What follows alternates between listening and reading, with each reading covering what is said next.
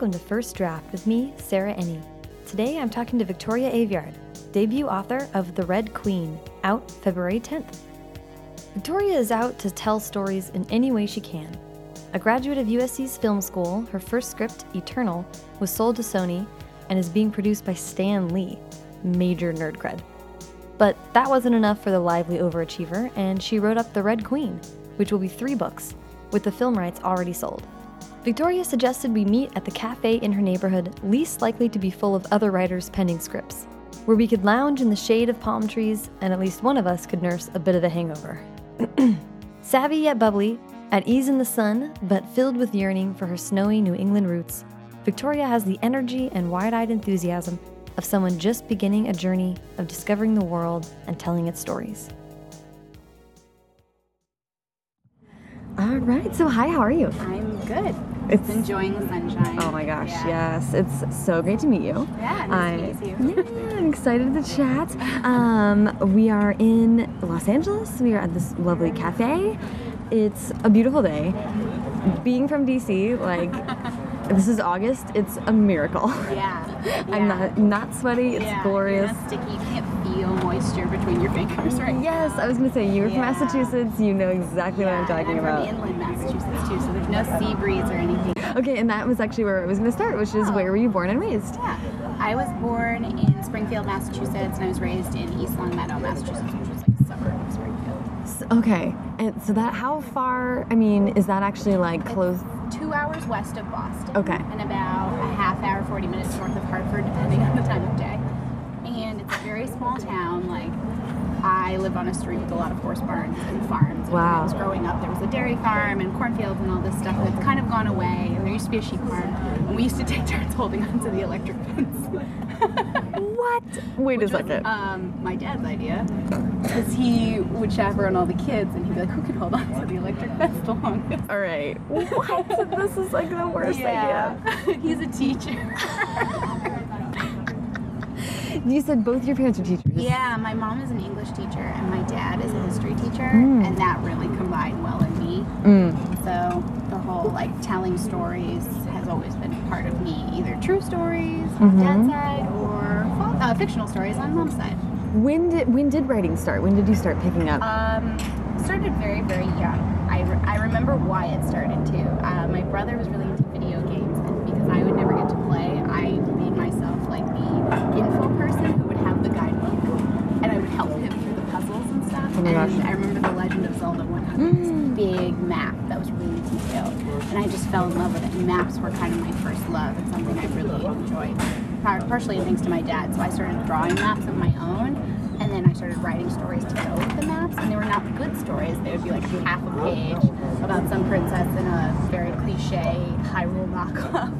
But that's where it kind of started, and I'd always loved movies too. And sometime around I don't know, when I was 13, Lord of the Rings movies really mm. opened up the world and being like, you can have these deep, complex worlds on screen, not just in a book. So I was like, okay, I want to try and write movies. And then I heard about USC, and I was like, okay, this is my path. I'm going to write movies. And my parents were like, what? oh my god. okay. And I had to apply to a bunch of regular colleges and a bunch of screenwriting film schools, and I only got into my film schools. Are you serious? So? I was like, haha, I have to go. Or I'm not getting an education. yeah. Yeah. And So I didn't realize that that you actually, when you apply to USC, you have to do the program Yeah. specifically. Yeah, it's a four-year BFA. Oh wow, I didn't know that. It's the same at I think NYU. And um, Is that what you were choosing between? or yeah, those were my lot. It came down to And before NYU, my dad was like, "You can go to the one in Boston. It'll be fine." And then I got into USC. He was like, "Okay, you can go to New York." yeah, I yeah. was like, "No, no, I will not be going to New York. I'm going to California. I'm going to USC, and I'm going to do this program. It's amazing." Yeah, yeah, yeah. Was that mainly the driving factor for you, just the program itself, or? Um, I this is really shallow, but I was watching the AFI uh, Lifetime Achievement Award ceremony for George Lucas, uh, and they did this big set on um, USC and how it influenced him Yeah. in terms of screenwriting and just film in general. And then I was like, okay, so that was the first film school in my head. I didn't realize it was also the best one. and I started doing my research and doing my research and realizing like they take 25 people. yeah. That's it. Not going to get in. I'll see what happens. And my parents multiple times were like, Victoria, we believe in you, but you're probably not going to get in. Just like to be, you know, to keep me down, grounded, and not have my heart broken. Right. I didn't get in, and then I did get in, and it was a very weird thing. That's incredible. Yeah. What did you have to do? You have to write anything for the Yeah, application? You had to do a really writing intensive application in addition to the regular USC application. So you had to write two five page screenplays, which I had no idea how to write a screenplay before. I like downloaded some um, screenwriting software and Googled a bunch of scripts and how to do it.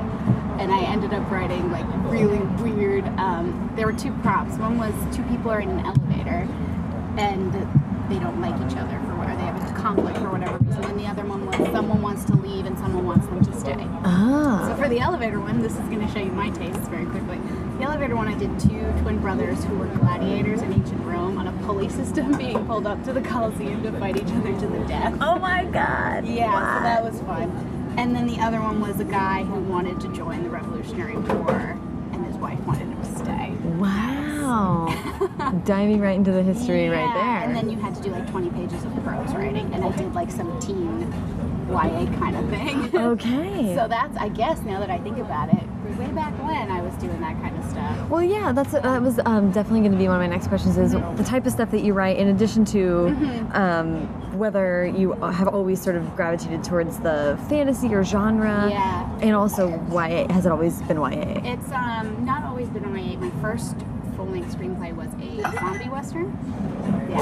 What? Yeah, I did a zombie apocalypse during the, the Wild West. That's That was real. Like, I do mostly um, big worlds is what I'm really I Mm-hmm. really gravitate to, regardless of the genre, kind of. And then um, my screenwriting kind of stuck with that until I got to a class where the professor was like, "Let's do something a little outside your comfort zone and see where that goes." And I wrote a teen comedy, and I really enjoyed it. And that kind of fed into, okay, I'm going to adjust more to what my strengths are and not just what I want to write Yeah.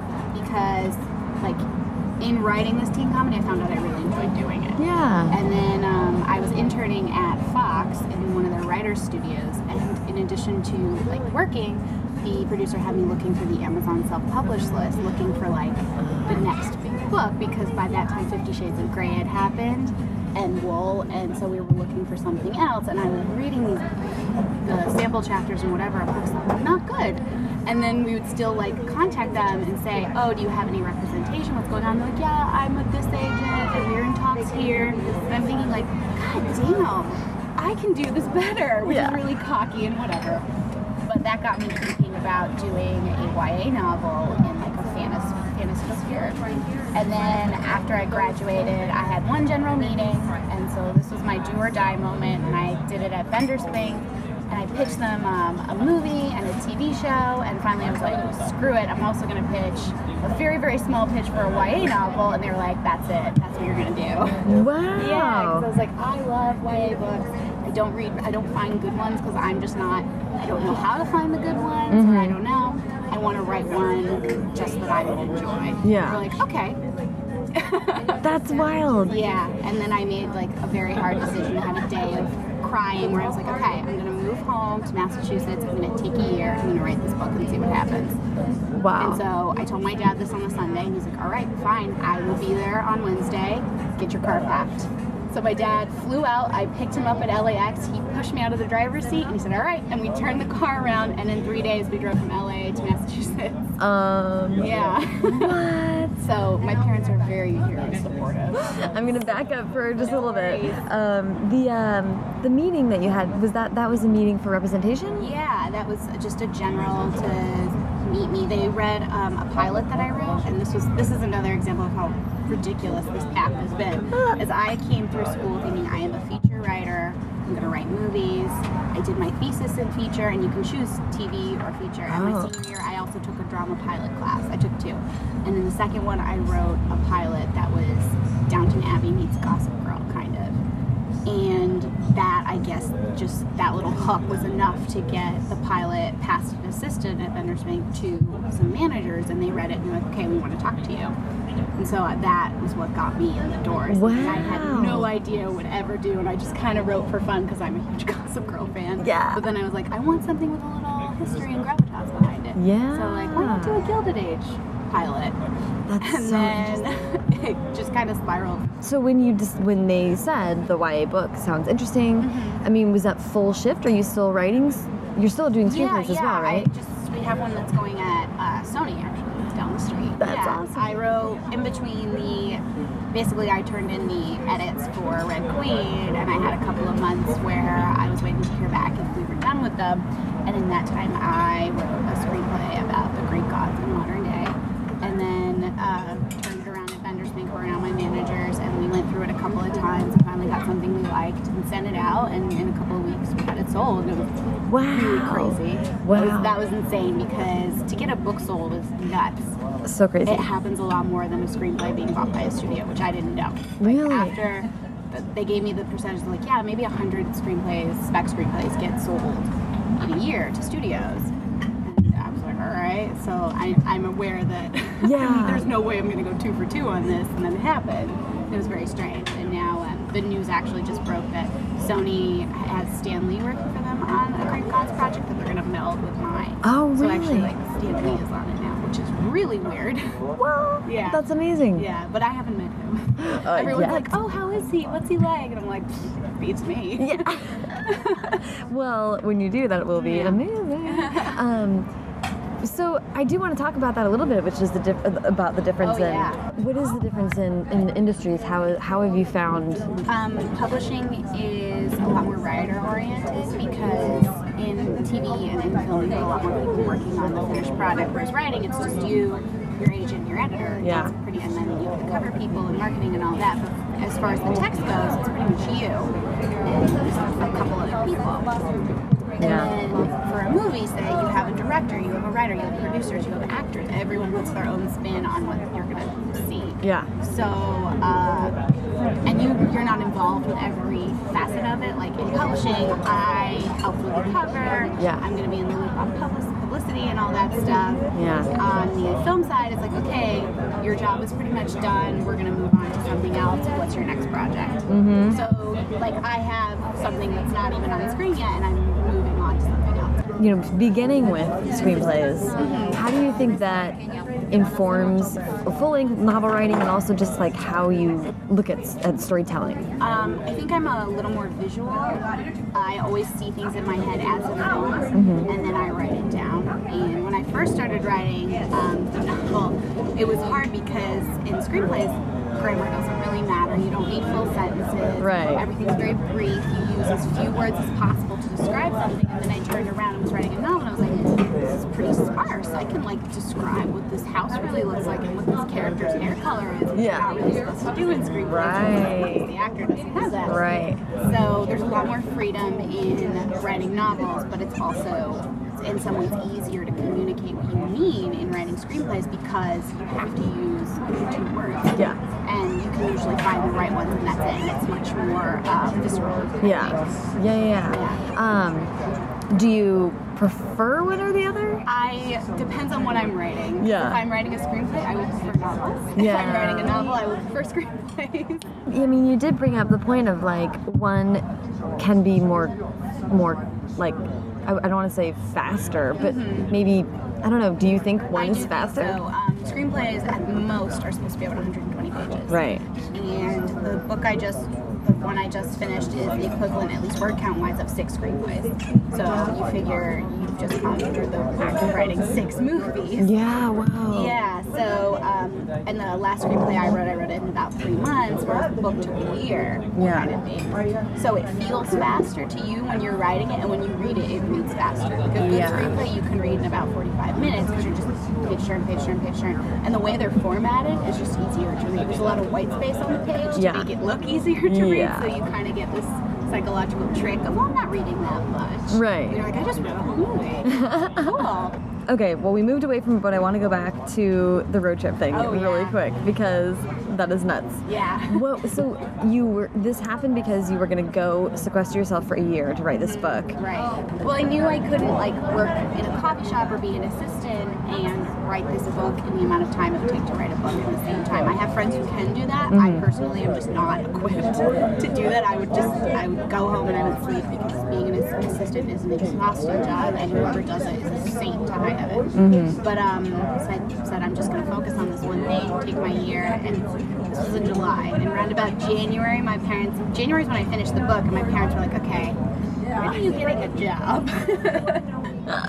I mean, writing your book was yeah, your job. it was my job. And once it was finished, they kind of started nudging me. And then um, when Suzie got involved, uh, they were like, okay, but we don't really believe that this is happening.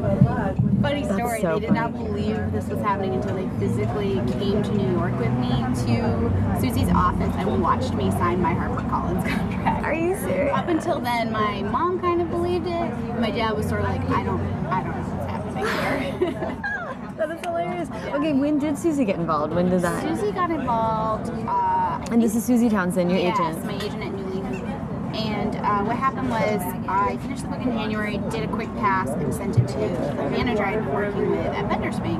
And he was like, "Cool, I'm not a manager anymore." What? I just put all my eggs in a basket that just blew up. Yeah, what And he's like, but I will send it along to my friend who works in publishing at this agency. And he ended up sending it to Kalia Shahbazian, who is now, who works at New Leaf and is sort of their film TV guy and is kind of one of my, my managers. And he sent it to Suzie, and all of this happened without me being like, what? And so this is really funny. Um, I was like, okay, an it's at an agency. I don't know if anyone's read it. I don't know how much time this will take. Oh, it'll probably be a couple of weeks. Yeah. And this happened. Like, Chris told me, oh, I sent it on a Friday, and on Monday, I realized that Suzie and Jo Volpe had followed me on Twitter. And I was like, uh oh, something's Oh. happened. Oh man. And I so I started jumping to a million conclusions. I was like, they read it, they liked it, they Yeah. like me. Calm down, Victoria. That's not true. It's just Twitter. And then of course, like an hour after that, I got an, a big long email from Suzie being like, she loved the book, she wants to talk to me, blah blah blah. And I was like, ah, this is it. That's so exciting. this is the moment I will remember. Yeah. So I had a call with her, and she's like, okay, we're gonna do. I think it needs some work, it needs some edits. I was like, duh, of course it does. Right. And I guess this is a. She was like very easy about telling me this. Mhm. I was like, no, you're right. It totally. This needs work. This needs work. This needs work because I just did four years of workshopping. Yeah, yeah, yeah. So I was a little easier on being told your writing Yeah. needs work. yeah. I find that for me also, I'm a, I'm a journalist by training, and there has been a couple times where um, my agent or an editor will be like, sort of hesitant to like approach you with something and be like, now this, you know, this is Your what it is. beautiful, but Yes. this part is just a little slow. And I'm like, thank you. Yeah, That's good. what I need. Let's jump right into it. Yeah. Uh, yeah, it's so funny. They, I'm just they like, beat the being sensitive about your writing out of us very quick. Yes, yes, no kidding. I mean, that's and that's you have to Mhm. be able to separate Yeah, that. So the way I look at it is they're not telling you this to be mean. They're telling you this because they actually care about the work and want to it better, and that's a compliment. yes, yeah, huge, If huge, they and they care, they'd be like, fine, it's fine. right, and the fact that they're working with you, you know, they believe that you can make it better. Yeah, exactly. Um, so that's important as well. Um, are you writing a screenplay of The Red Queen? personally not, but um, Gennifer Hutchison is right now. She worked on Breaking Bad, which is really exciting. I That's met with her, and she's fantastic. She's on The Strain, and she's gonna, and she's also on Better Call Saul, which is coming out. Oh my God! Yeah, that's amazing. So, uh, she was really cool to meet with, and it was so funny because we were both like, "I'm so nervous." Me too. And, and The Red Queen is it a duology or is it? it's a trilogy. Okay, I wasn't sure about that. Was the idea to begin I with, knew or was it it? was going to be a series? Okay, got it. and just I wrote the first book knowing there would be more. I didn't know how many more. I don't like to kind of limit myself based on that because I like to see where the story takes me. And now, as it's shaping up, I realized like a trilogy was the way to go because the first book ended on kind of a cliffhanger, and then Suzie was like, "All right, we're gonna need proposals for the next one." So I was like, "Ah, Christ." oh crap! so I was originally like, "Oh, it'll be five. Now it's three. What, what was the spark of the idea? How did this this? Oh man. I tell a lot of different stories for Spark of because a lot of different things went into this. Okay. But um, one thing I was always inspired by and kind of curious about is in, say, X Men or even like Harry Potter, people with remarkable abilities are sort of on the fringe. Right. I was like, all right, if there was really a world like that, they would be running the show, and Yeah. I want to see what that looks like. And I was also kind of in both my parents are teachers and they're in very different education systems. My mm-hmm. mother teaches in a really, really great suburban school, and my dad teaches in a really terrible inner city school. Wow. And you see the difference in what they teach and how they teach and the students they have and how little or how much they succeed. And I always thought about people who were sort of set on these paths of either success or failure and can't really affect it mm-hmm. without something insane or miraculous happening to them. So I Yeah. combine that with the whole a world where superhumans rule the roost. Interesting. Yeah, so that was fun. Yeah, it did. I mean, it did immediately strike me that you were really dealing with class, and of mm-hmm. course, I mean, I think obviously. the current U.S. situation is also involved there a little bit. Yeah. My little rebellion. little social, uh, social, social message. Um, I'm, I'm curious about coming from screenwriting. You have this idea for a full book. How did did you outline it? Are you pantsing? How do you? Yeah, I um, am. A, I had to look up Claire Panzer once for Ah. another interview because I was like, "What the hell is she talking about?" Why are we talking about my pants? Yeah, This is so weird. I'm usually a pantser. I hate outlining, but Really? I for screenplays they kind of beat to me like you need to outline at least a little bit. yeah. So for this book, I had about a five or six page outline, and then I just went to town. Yeah. And um, I kind of built it on the screenplay structure where I have Act One, Act Two, Act Three. I have my inciting incident, my midpoint, my Mm-hmm. twist, and um, my lowest point, all that fun stuff. Yeah. eight sequences. Yeah. I feel like I'm back in class. so when I write a book, I always know um, where the first act ends and where the second act starts, and where the third act will end. Yeah. And that's what I know usually. And then the second act is kind of where I weave those two together. And it's the hardest to write, as usual. Yeah.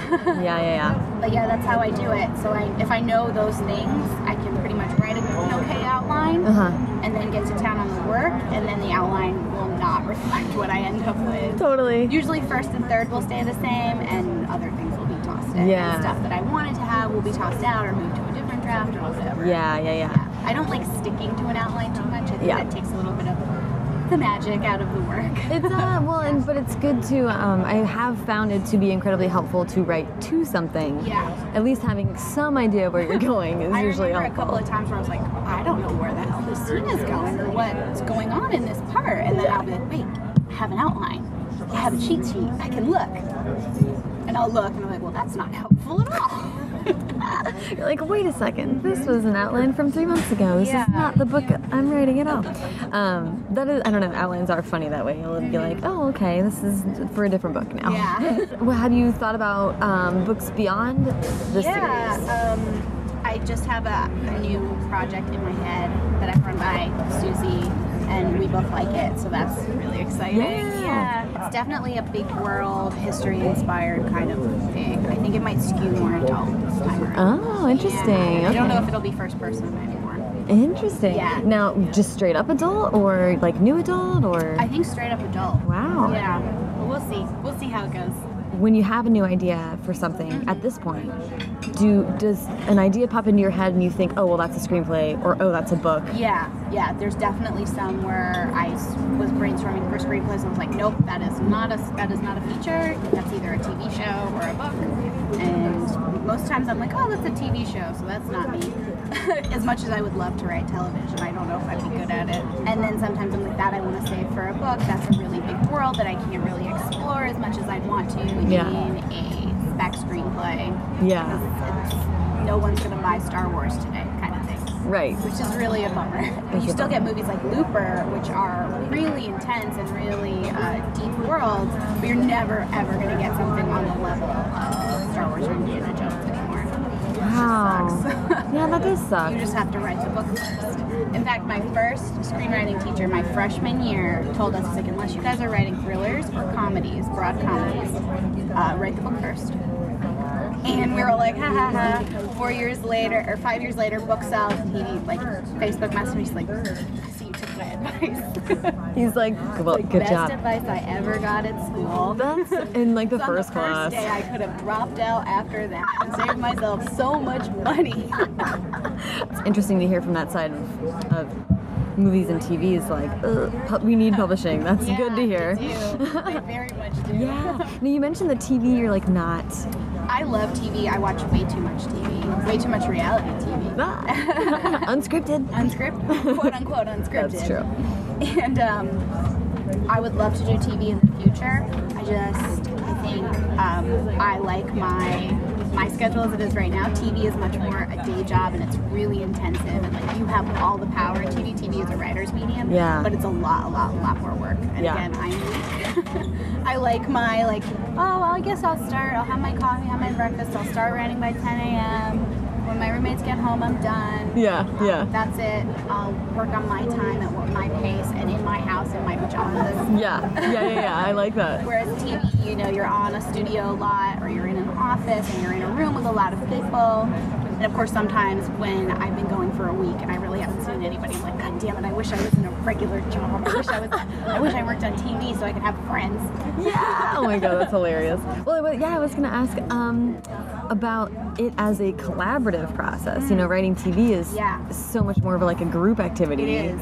I mean, is that something that you would be interested in, or is? I've written several collaborative screenplays actually. Cool. Um, there was a collaborative class we could take at school, so my best friend and I we wrote a screenplay together, World War II spy screenplay. It was really really fun. And it was a real great way to like figure out how to another person. Yeah. I'm really bad at that, by the way. I will rewrite everything, Ah. and it was so bad, and I was terrible at it. And then the second time around, I wrote a screenplay, a comedy, with a friend of mine, and that was much more a 50-50 joint effort because I had learned by then to like calm down and back up and like let Mm-hmm. other people's instincts take over when they're correct. That's kind so funny. Yeah. That would be extremely hard. I mean, I don't know write books like that because there are collaborative books written, and I see like, oh, there were three authors on this. What? Like, People are amazing. There was something our teacher told us, like, okay, there's you, there's the other writer, and then there's the third writer. There's the person that comes out when it's the meld of you two writing together, and that is an actual real phenomenon that was very strange to see happen. interesting. like my writing or um, the third writer's writing on the frat movie was very different from what I usually write. Interesting. Yeah. Was that kind of like stepping in? Was it fun to kind it of step into fun, some? and we wrote the screenplay really quickly too. We wrote it in like four weeks. Wow. It was really cool. Wow. And then we did like a table read at the end of it. That was fun. And then that screenplay again is collecting dust. But a good experience. oh yeah. Um, I like the idea of a table read for. Yeah. I wish just with all our classmates, and we're like, we'll give you pizza if you come and read cards. I would love to see some version of doing that for a book. Yeah. Like, a lot of who has a a lot of coffee. Who has a spare 36 hours? Come read parts. That's the one thing with screenplays, you can read them so quick. You did. You mentioned this a little bit, just that you're a really visual writer. But I'm curious about when ideas come to you. What are? Is it a character that comes to you for a setting? How does the How does the story evolve for you? Um, for me, it's usually the world that comes first. At least that's what happened with Red Queen, where I thought of like the power structure and people with superpowers and kind of. And then for this new project, that's also what happened. I was in Scotland and I was looking at all these castles and things, and suddenly I went back to the park and I was like, oh my god, lightning is striking. That's amazing. Yeah, and I had a notebook with me, luckily, and I started like jotting down just little things, just like seven or eight words, and my roommate was looking at me and she's like, uh oh, something's happening. It's going down. I was on the Harry Potter train. I was on what they use as the Hogwarts Express, like Oh my God. writing down stuff. That's amazing. Yeah. How great is that? Um, I didn't realize that was so recently you just got this burst yeah. of inspiration. Oh my god! And normally I have passing ideas where I'm like, oh my god, I really love this. Uh, You know, Yeah. you'll have a love affair with an idea for a week, Yeah. And then it fades away. Mm -hmm. And this one really stuck. Like I came back from Scotland and it was still with me, and I wrote a little bit. Like I woke up at four in the morning started writing, Cool, just whatever. cool. And then I went to San Francisco for a friend's wedding and came back, and it stuck with me. And I eventually was like, okay, I have to send this to Suzie. Yeah. I think it's about time. Like I finished the second book. I'm gonna do the third one. I should get a jump on what's coming next. When you write screenplays, is it similar, like feeling that kind of passion for ideas? Yeah. The way I did screenplays is I'll have like an Excel sheet and I'll just do log lines. Mm. The first screenplay, the, the one that we just sold, what, the way I did it is we did an Excel sheet. I sent a bunch of log lines to my managers and I knew which one was my favorite. And they came back and were like, okay, this one's our favorite. And it was the same one. So I was like, okay, we can roll with this. Yeah, that's awesome. And then it's a lot more structured. Uh, I do an outline and I send it to them, and then we get on the phone and we talk about it and revise the outline. Do that one more time. So basically, we went through three different treatment outlines. Oh, wow. And then I wrote a full, and we went through that, and I didn't. I wrote another draft of it and another draft, so did three drafts of the screenplay, but they were like successively less intense changes each Yeah, time. yeah. Whereas in publishing, and I found this out through experience, I was like, okay, so what happens? Do I send my editor a treatment of the second book? Do I send her chapters as I finish? And Suzie was like, no, they just want like the full manuscript when you're done with So it. write the book. And I was like, but what, what, what if it's bad? What if it's wrong? It is that Yeah. that would be a really really huge difference. yeah, because in screenwriting, you're used to at least a little bit of a workshopping atmosphere. Yeah. Where someone holds your hand, and then publishing, no one's holding your hand. No, it's So I'm like, I need to find the medium of I'm not being too put through my paces, but there's someone over my shoulder. And it ended up being really great, just like having only myself and my roommate who begs for chapters and eventually and will be my little like mosquito. She's the reason I finished the first book. I lost hope around October of 2012. This book's crap. I'm not writing anymore. and she started texting me like, "So where's the next chapter? Like, what happens next?" can you just send me another chapter? And so I was like, all right, fine. So I was basically writing these to get her off my back. That's awesome. And my parents were reading them too. My dad be like, so what's going on next? Don't kill this person off. I like them. Ah, that's awesome. Yeah. I like that. That's a, that's um really interesting because not everyone feels that having readers at that stage of writing Yeah. is helpful. I think because I don't do um, traditional like CPs who send me like, oh, I don't know if this character works in this scene, or like maybe this needs to go a little faster. I basically have um, Morgan, my roommate, and my friend Emma who read and are like, this is either good or this is bad. One of my favorite professors was like, at the end of the day, just finish what you're doing. So I have a couple, a couple silly things. But first, I, I'm doing like a lot of talking to people about place and where they live and um, and why they choose to live there and that kind of thing. Um, and you have a very East Coast, West Coast now sense of things. So where are you at? Um, I live here in Los Angeles and kind of in Massachusetts. Also, I go back and forth a lot. Um, my parents live in Massachusetts, so that's where I stay when I'm there, and all of my addresses are there because I'm there so much. And um, I'm very much an East Coaster at heart. I Yeah. think. you know, I miss seasons, and so many people are like, "You don't miss seasons. You just miss looking at the snow and not shoveling it." but There might be something to I that, do miss. I do miss snow. I don't like smog, which is a thing here. Yeah. So whenever I go back, it feels like home. Here feels temporary, and it, I, it is temporary. What um, would it be difficult to continue working in screenwriting and not be in LA? Um, it wouldn't actually be that hard. I know a lot of people who do it and commute, quote unquote commute, like on an airplane. Yeah. The thing with screenwriting is, unless you're on a show, you don't really need to be in LA that much. Like going in for meetings is pretty If you're somewhere else, you're like, okay, I fly in, stay for a week, do all my meetings. Skype meetings happen. Yeah.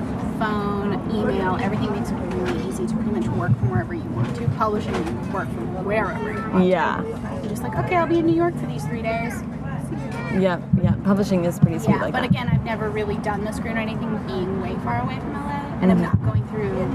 I did a lot of general meetings fall just to like meet people at production companies and stuff, and that was a good like three weeks of five weeks a week kind Yeah, of thing. yeah. And that you would have to be in town for. But otherwise, it's more if you know the town and you fly in, rent a car, you're fine. Yeah. Do you think that maybe that when you're thinking about TV, Mm-hmm. that part of the aversion might be the fact that you want to get out of Dodge? Maybe. Um, I think TV, yeah, represents a lot of roots, but it's also a lot of stability, which Yeah. you don't get very often in screenwriting. right. I saw the statistic somewhere there are more Navy SEALs in a year than there are WGA hired screenwriters who get paid. Really? Yeah. Holy crap, that's and terrifying. there's more professional football players than there are paid screenwriters. It's pretty insane. When Oh, someone told me that, I was like, huh, I'm like a New England Patriot. Yeah, there you go. Me and Tom Brady. Yeah. Beating the odds. I love that. Um, where on the East Coast would you want to go back to, do you think? Um, I love Massachusetts. I love Cape Cod. I honestly love Cape Cod so much, but I also love the mountains too. Mm. Yeah. Maybe it's not I fun. um, have been to Wyoming several times and Montana several times because I love the Midwest. So I think that's my compromise kind of. 'cause They're a Ah. little bit closer. but Yeah. They're very isolated. Very isolated. Very, yeah, yeah. But it's also only something like a three-hour flight. yeah. which is nice. Interesting. Okay, Yeah. that'd be cool. I'd have to get a dog. Uh, yeah, exactly. Yeah, yeah. Get to surround yourself It'd be with. weird to be like a 24 year old living in a snowbird town. That would be awesome. Me and my bridge club. Yes. Oh my god. Oh my god. That is a that is a TV show. Um, okay, you said on your blog that you something about referencing getting back into Pokemon. Oh my god. Tell me what this means. So I broke down one day and I ordered a Game Boy Advance and a bunch of Pokemon games from Amazon. And I immediately started playing and like I was so proud of myself because I beat Brock with a Charmander. a Charmander. Oh my god. no one believes me, but it happened. Is this like like you were super into when you were a kid? Oh or- yeah. Oh my gosh. I, I was the the Pokemon age, like third grade. I remember everyone would bring their Pokemon cards to class, and we would trade at recess. And people would, oh, you want some sparklies? You got to go over to the Moon Climber. They have the sparklies under the Moon Climber. oh my god. it was a very weird, like Pixar-esque kind of mini world. This is so funny. And then towards the end of third grade, and a lot of people know this, but a lot of people don't. Uh, I got into like kind of a fight with some girls because I tried to. First, we were like, okay, well, I'll pool our Pokemon cards together and have a big collection. And then I was like, no, I don't want to, and I wanted my cards back, and they would give me some of my cards back. So the principal got involved. oh my and I am the one who got Pokemon cards banned oh from. That is tragic. Oh no. Yeah, and Oh, I no. carry the shame to this day. Ah. That is that's the pain that Yeah. that won't go. and of course, away. I played the Game Boy and all that. I have a younger brother who's two years younger than me, and he's good at video games. Like goes to school for video game design, and Pokemon is bad. I remember I was on the swim team, and the meets were really far away. So one day, my parents were like, "We got you guys something." Two Game Boys with Pokemon. And we were like, yes! And we're like, quiet in the car. This is amazing. That's so funny. Oh my gosh. That's like they reached that point Yeah. as parents. It's over. um, well, I- you know what? Um, I've been kind of wrapping these up with asking about writing advice, and I actually would really love to hear from you, since you have such a unique combination of uh, where you're coming from with it. If maybe you could give recommendations for someone who would be who is also interested in both screenwriting and books, like what would you, what advice would you give them? in both screenwriting and in publishing, people always try to write to trend. Mm. And there's, it's, I can't tell you enough how not right that is. Because the second you, even if you do write to trend and get something that is huge, Yeah. it will be over by the time you get that done. Yeah. I, it just, it's so strange. The vampire thing is over. So many people tried to, to, to remake that. Now, uh, Fault in Our Stars and like quote unquote sicklit is a thing. And it's Oh. completely done in publishing. Yeah. And the movie industry is just catching up. and Yeah, they're yeah, looking yeah. for stuff, and publishing's like, no, Yeah. don't do that anymore. Right. Oh, that's Catch up, wake up, guys. I can't tell you, can't tell you how bad writing to trend is. I think. Yeah. Your readers can tell in screenwriting and in publishing when you're doing something just to fulfill a quota, kind of. yeah to check a box. They can tell that you aren't emotionally connected to the work. You don't really have any dog in this race, and you're just doing it for a paycheck. And if you do have something that you love and you're really connected to, and it does happen to be on trend or just past trend, I say still write it because you don't know. I'm going to quote a professor here: "The spider doesn't know what part of the web will catch the fly." this thing could not sell, it could sell. Even if it doesn't sell, you've learned, you've written something, you have something under your belt, and you will be a better writer by the end of it. So just write what your heart tells you. I really like that quote about the spider web. That's Yeah. really cool. And that was one of my really hippy dippy professors who wore a cowboy hat to class and had his snake snake snakeskin cowboy boots, but was also like a Brooklyn Jew. So it was really hilarious. Oh my gosh. Great and so zen. And our class was him. We called like campfire class because it was just all the screenwriters in a circle. And every week we'd like talk about writing. Yeah. And he'd be like, "Here, read this short story." Now, what do you think this means? And how are you guys feeling? And we all made fun of the class, but in the end, it was totally worth it. That's awesome. Yeah. Oh my gosh, that's really, really funny. I love that. Um, well, thank you so much. Thank you. That was so great.